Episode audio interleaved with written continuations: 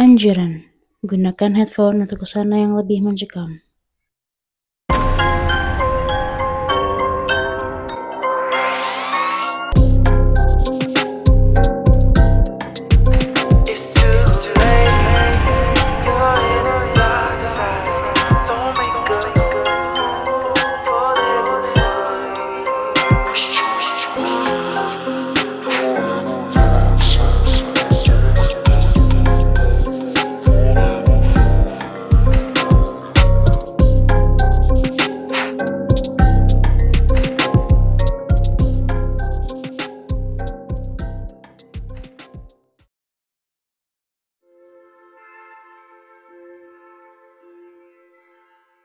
Halo selamat malam ya, selamat malam Jumat.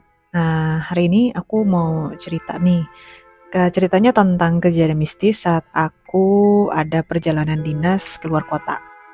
Pekerjaanku sebagai karyawan ya di salah satu perusahaan yang ada di Kalimantan Timur.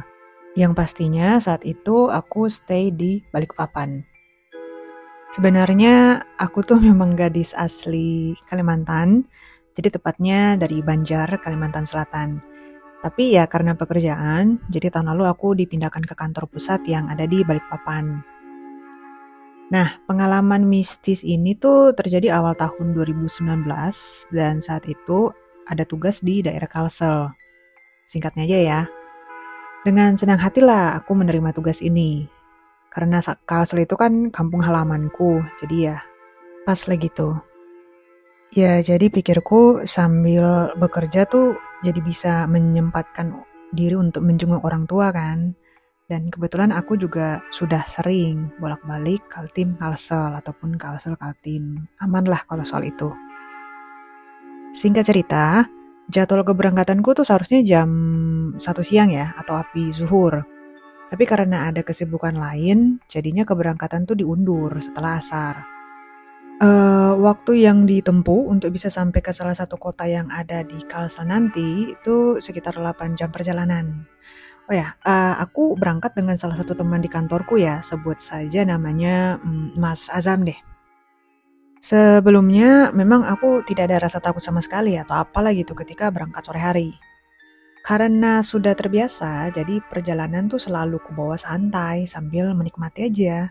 Karena aku berpikir mau berangkat sore pun sebenarnya tidak jadi masalah, karena kan bisa tinggal tidur pulas tuh di perjalanan. Lanjut cerita, aku dijemput ya dari rumahku um, oleh supir tuh sekitar jam 4 Wita.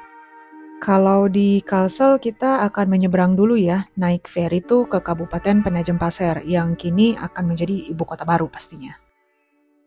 Setengah jam perjalanan sampai pelabuhan, mobil tuh sempat diam ya sekitar setengah jam karena menunggu kapal menyandar kan. Jadi masuk kapal tuh udah sore banget dan untuk sampai ke Penajam itu kira-kira kurang lebih satu jam lah kita dari kapal. Saat azan maghrib berkumandang, alhamdulillah kapal juga akan bersandar. Jadi kami tuh memutuskan untuk sholat di masjid yang ada di kota Penajam.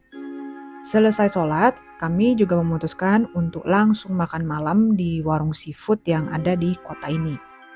Singkat cerita lagi, uh, perjalanan berjalan seperti biasanya. Aku duduk di belakang sendiri dan Mas Azam juga bersama supir di depan. Di perjalanan uh, karena belum ngantuk ya, kami tuh ngobrol sambil mendengarkan musik dan juga memakan cemilan yang kami beli. Sebelumnya, Aku mau kasih tahu nih kalau perjalanan melalui darat dari Kaltim Kalsel atau sebaliknya Kalsel Kaltim ini jalannya tuh melewati gunung rambutan yang curam ya dan berkelok-kelok.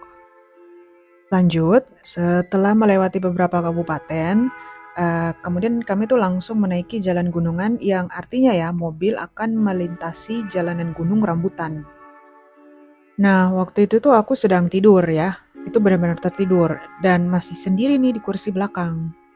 Entah kenapa saat itu aku merasakan hawa tuh berubah drastis jadi sangat dingin. Nah aku pun terbangun karena ingin meminta supir untuk menurunkan AC-nya karena awalnya aku pikir ya karena AC sih. Lalu kulihat Mas Azam tuh masih terjaga jadi nemenin supir lah biar uh, nggak ngantuk kan. Nah aku lirik lah jam, jam di tangan itu kira-kira udah nunjukin puk hampir pukul 10 malam lah. Om, Kecilin AC-nya dong, dingin banget nih.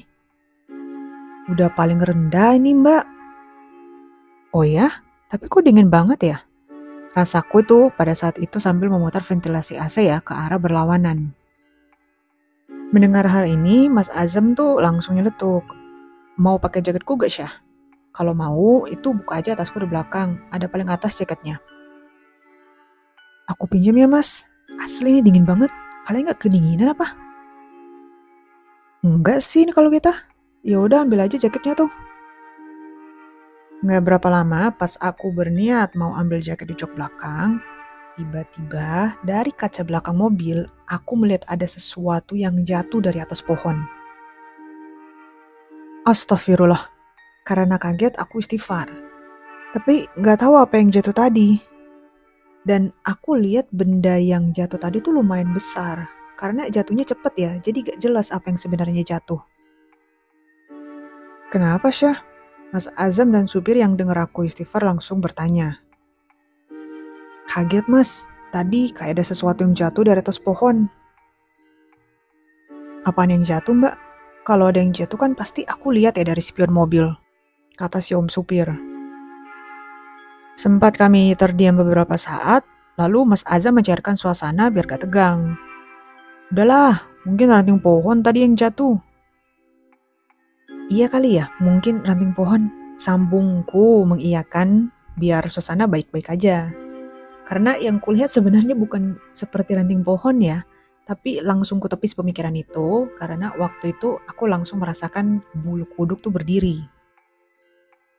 Uh, perjalanan kita melintasi gunung nih masih panjang, jadi pada baca doa masing-masing ya, kata om supir, dan kami langsung mengiyakan aja apa katanya. Saat itu pun aku langsung zikir nih dalam hati. Karena masih merasa nggak enak dan merinding. Tak lama kemudian, tiba-tiba mobil melaju pelan. Dan aku langsung bertanya, kenapa om? I, itu ada yang melambai di ujung jalan. Mana? Tanya Mas Azam menajamkan matanya langsung ke arah depan. Aduh, beneran ada orang beneran di situ.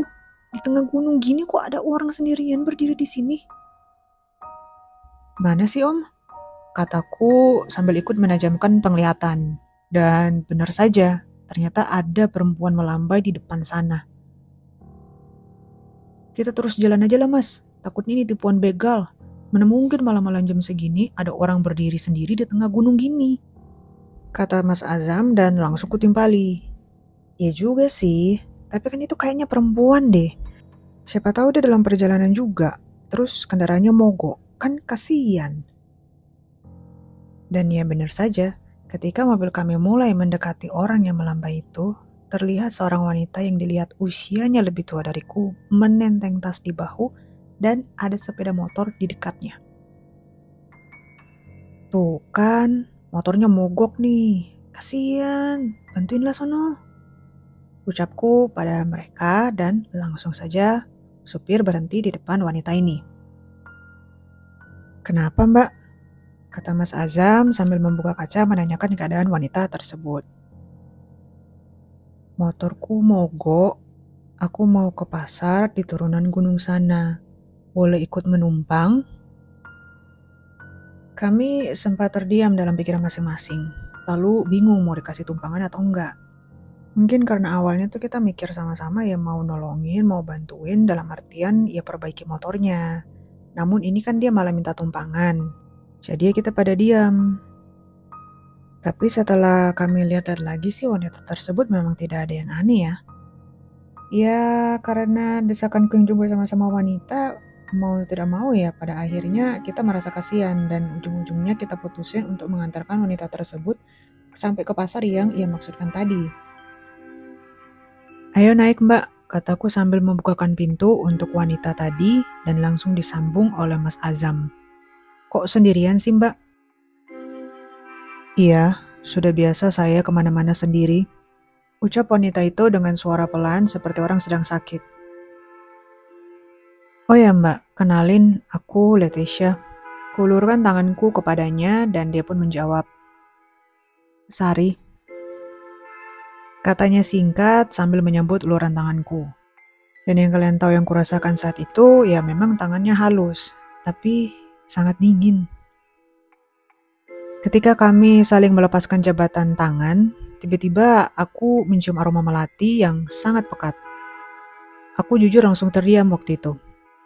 Yang kurasakan bingung dan tengkukku tuh merinding. Tidak tahu ya dengan Mas Azam dan Om Supir, apa mereka juga mencium aroma melati juga atau tidak. Uh, di saat itu aku terus berzikir ya dan terus berdoa. Dan sesekali kulihat Sari hanya memandang ke depan tanpa ekspresi sama sekali. Selama perjalanan, sudah beberapa kali kami menuruni gunung, dan belum terlihat adanya pasar yang dimaksudkan oleh Sari. Menyadari akan hal itu, Om Supir pun bertanya, Masih jauh mbak pasarnya? Setelah dilontarkan pertanyaan, namun yang kami dapati adalah Sari diam saja, dan masih tanpa ekspresi. Mbak, sahut Mas Azam yang ikut memanggil, namun Sari tetap tidak menjawab dengan tanpa ekspresinya. Melihat hal ini dan keadaan ini, kami semua bingung. Aku tuh langsung merapatkan diriku ke jendela mobil, menjauhi Sari. Dan tiba-tiba, hawa menjadi sangat dingin. Lalu seketika kulihat Sari menengok ke arahku dengan menyeringai tersenyum sampai selebar daun telinga. Melihat hal itu, aku langsung ketakutan berteriak. Astagfirullah. Astagfirullahalazim. Astagfirullahalazim. Pada waktu itu, kami dalam keadaan panik dan ketakutan. Sedangkan setan Sari langsung tertawa menggelegar seperti khasnya kuntilanak.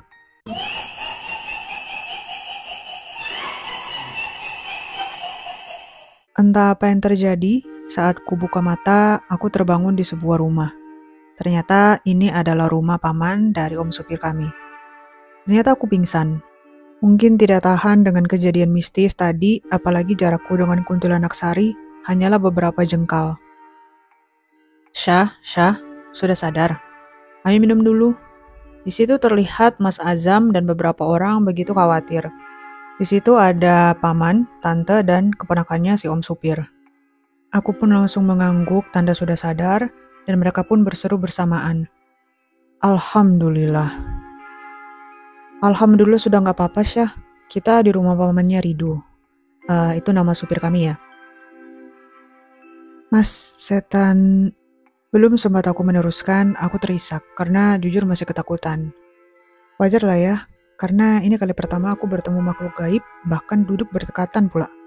Oleh karena itu, melihat hal ini, pamannya Om Supir pun langsung menyahut. Iya, iya, udah nggak apa-apa mbak, setannya sudah pergi. Ternyata, setelah penumpang yang kami bawa berubah wujud, Om Supir dan Mas Azam langsung berdoa sambil menyetel murothal di audio mobil. Melihat aku yang tak sadarkan diri, mereka pun panik dan kebetulan sudah memasuki kabupaten yang di situ ada rumah pamannya si Om Supir. Jadi mereka langsung berhenti di sana. Dengan kejadian yang sangat menakutkan ini, kami memutuskan untuk bermalam di rumah pamannya si Om Supir dan melanjutkan perjalanan besok paginya.